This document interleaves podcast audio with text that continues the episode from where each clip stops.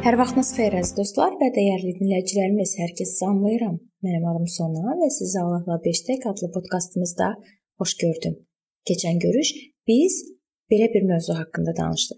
Həqiqətən də vacib olan nədir? Allahın mənimlə ədalətli davranmadığını düşünürəmsə, bədənimdə hansı simptomlar meydana gəlməlidir? Tamahkarlığın bədənimə hansı təsirləri var? İnamla hərəkət etmiriksə, bədənlə yaşamağa başlayırıq və belə olduqda bu günahlardan hər biri bizi idarə etməyə başlayır və bu bədənimizə təsir edir. Belə hallarda vacib olan nədir? Səmavi atamız olan Allaha inanmaq. Bax, vacib və mənası olan budur. O bizim fiziki bədənimizin qayğısına hər tərəfli qalır və biz onu buna görə sədaqətlə sevirik. Allah həmçinin bizim canımızın qayğısına da qalır. Can şuurdan, iradədən və hisslərdən ibarətdir. Allah orqanizmimizin funksiyalarını idarə etmək üçün ağıl adlandırdığımız beynimizi yaradıb. Biz ağlayacağımıza və ya güləcəyimizə, əsəbləşəcəyimizə və ya dua edəcəyimizə dair qərar qəbul edirik.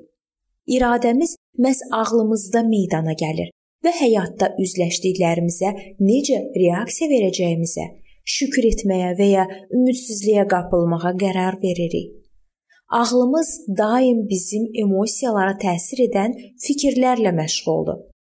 Biz qərar veririk, günahkara nifrət edəcəyik, yoxsa onun üçün dua edəcəyik. Mənəvi cəhətdən axsayan bacımızı tənqid edəcəyik və ya ondan şəfqətimizi əskik etməyəcəyik.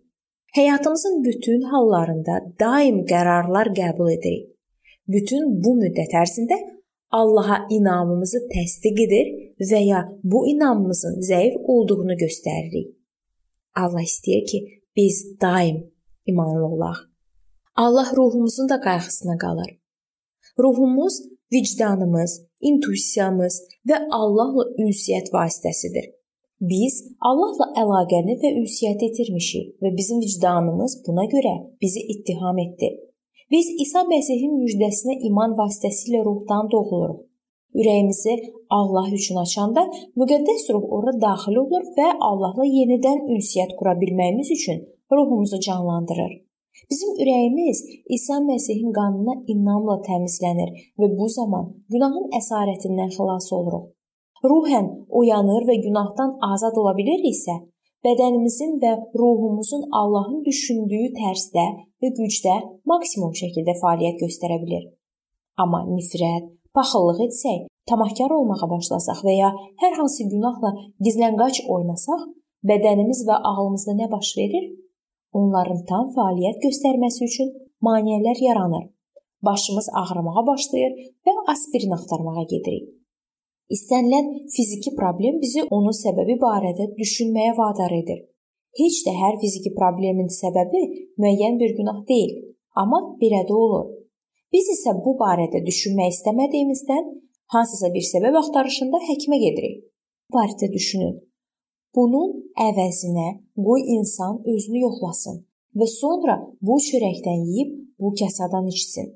Çünki kim Rəbbin bədənini dərk etməmiş yeyib içsə, yeyib içərək öz üzərinə mühakimə gətirir. Bu 1-ci Korinflərə 11-ci fəsil 28-29-cu ayələrdə yazılıb. Bəs bir məsihçi üçün həqiqətən əsas olan nədir? Ən vacib olan Allaha ürəkdən inanmaqdır. Müjdədə əminlik verən inam. Bu inam bizim onun hökmlərinə riayət etməyimizlə təsdiqlənir. Mənim həyatımla bağlı Allahın iradəsi necədir? Əsas vacib olan bax budur. Mənim üçün Allahın iradəsi onu və başqalarını Məsihin məni sevdiyi kimi ürəkdən sevməyimdədir. Allahın hökmləri az və ya asan yadda qalan olsalar da kifayət qədər genişdir və həyatımızın bütün sahələrini əhatə edirlər. Məsihçilər əslində nəyin daha vacib olduğunu müəyyən edə bilərlər, amma elə hallar olur ki, öz təbiətimizdən çıxış edərək hərəkət edirik və digər şeylərə həqiqətən dəyəri olanı gözümüzdən qaçırmaq üçün şərait yaradırıq. Həyatda həqiqətən inanmaq bax vacib olan budur. Buraya təbiətimizi əsas tutaraq etdiklərimizə görə tövbə də daxildir. Bu isə bizi öz növbəsində Allaha itayətə və onun bizə göndərdiyini qəbul etməyə vadar edir.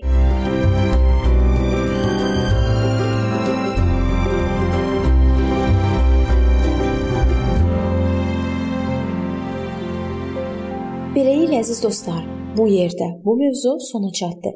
Hər zaman olduğu kimi sizi dəvət edirəm ki, bizim podkastlarımızı Facebook səhifəmizdən və YouTube kanalından dinləməyə davam eləyəsiniz.